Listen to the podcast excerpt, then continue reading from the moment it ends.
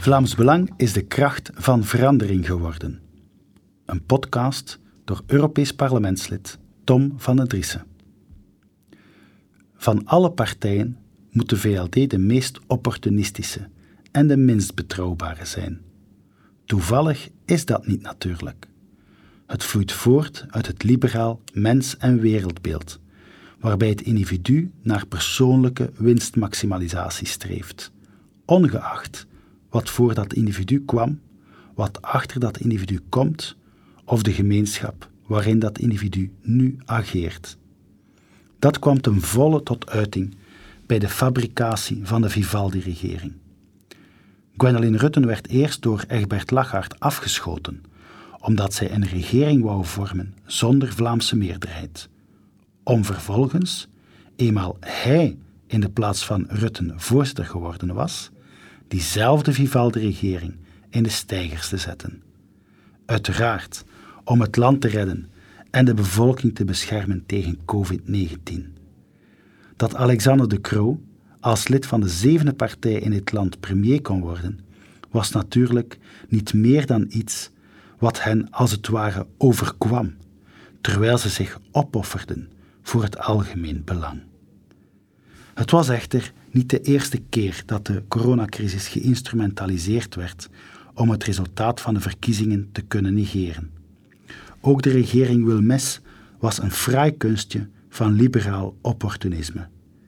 Niemand had in Vlaanderen ooit van haar gehoord. Ze kreeg amper 16.180 voorkeurstemmen bij de verkiezingen. Maar ze werd wel premier van een Belgische regering met volheid van bevoegdheid.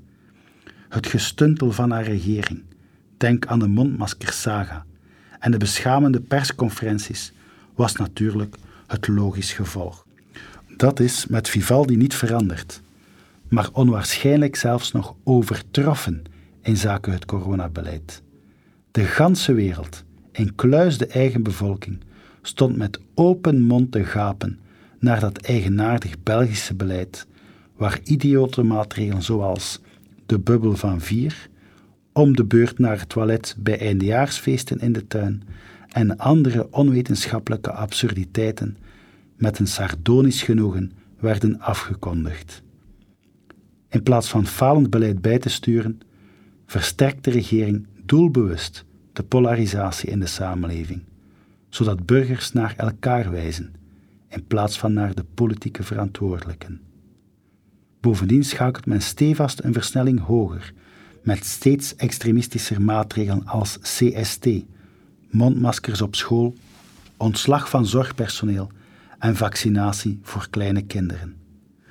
Angst is de enige methode die ze nog hebben om een voldoende groot deel van de bevolking in het gelid te laten lopen. Angst voor de kiezer is het enige bindmiddel dat deze Vivaldi-junta nog bijeenhoudt. Vooralsnog hebben ze de macht nog niet om verkiezingen helemaal af te schaffen, hoewel het systeem al erg hun best gedaan heeft door slechts om de vijf jaar de kiezer nog aan het woord te laten. De klok tikt dus onvermijdelijk verder naar 2024. We zijn de helft van deze legislatuur voorbij. De peilingen geven een indicatie van welke richting dat zal uitgaan.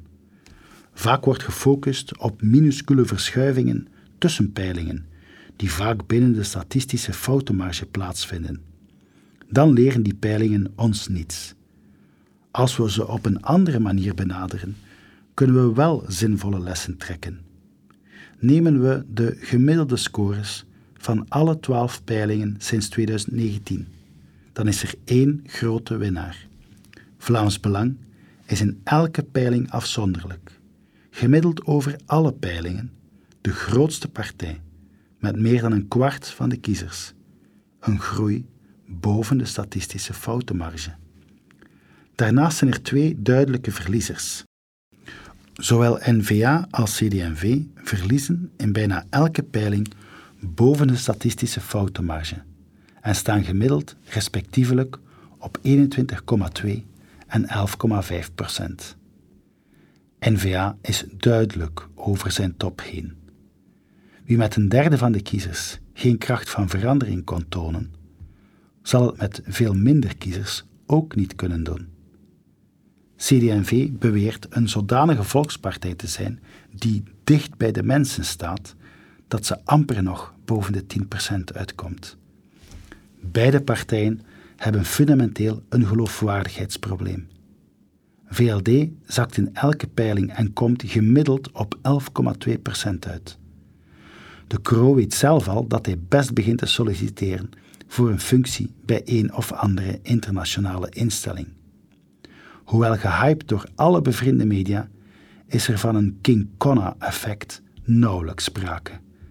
Gemiddeld 11,7% is een zuchtje vooruit. PvdA wint systematisch binnen de foutenmarge met 7,7% gemiddeld. En Groen verliest systematisch binnen de foutenmarge met 9,3%. De strijd op links ligt nog wagenwijd open.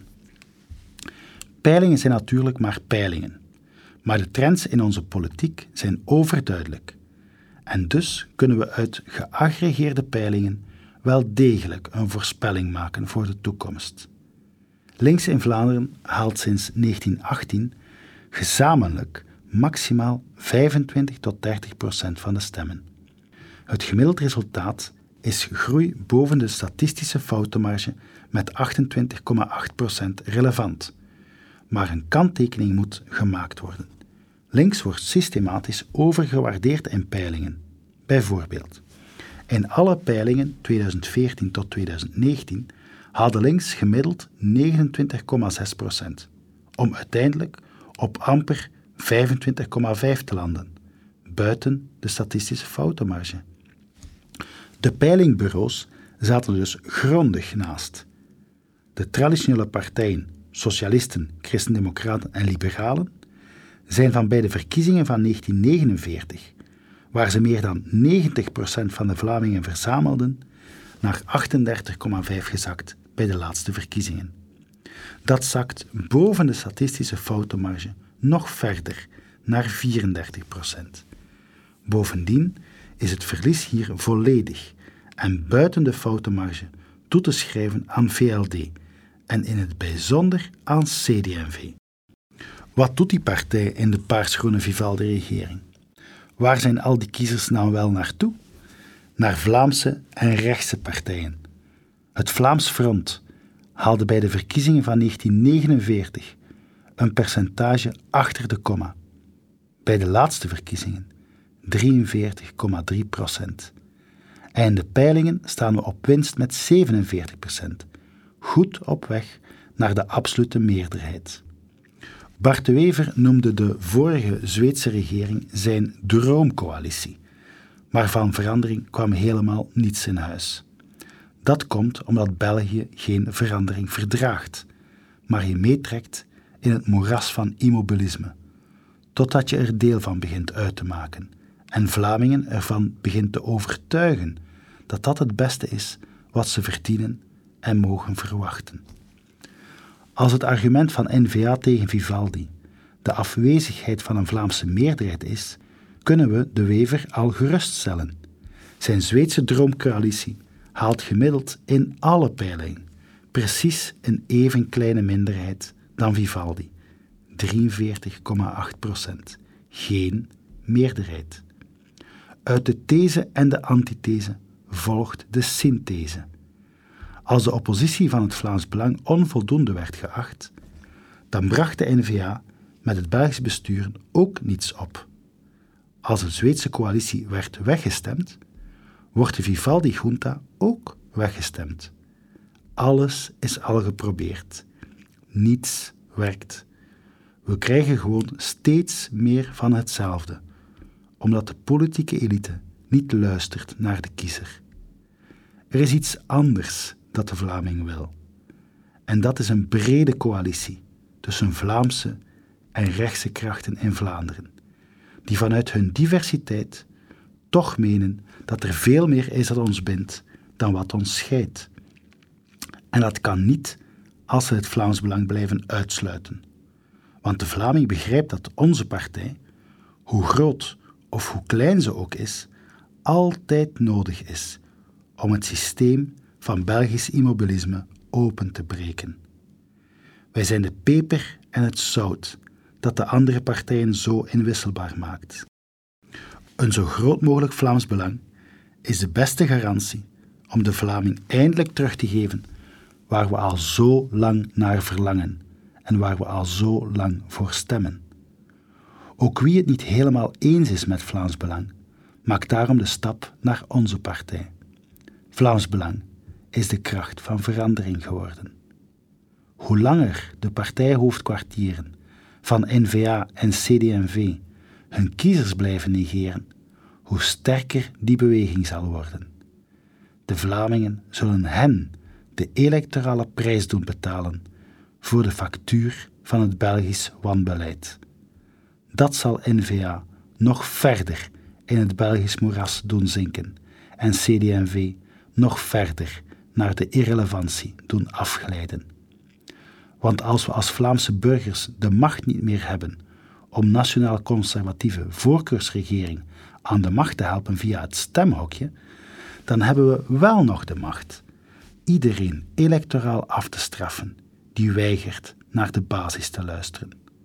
Op naar 2024.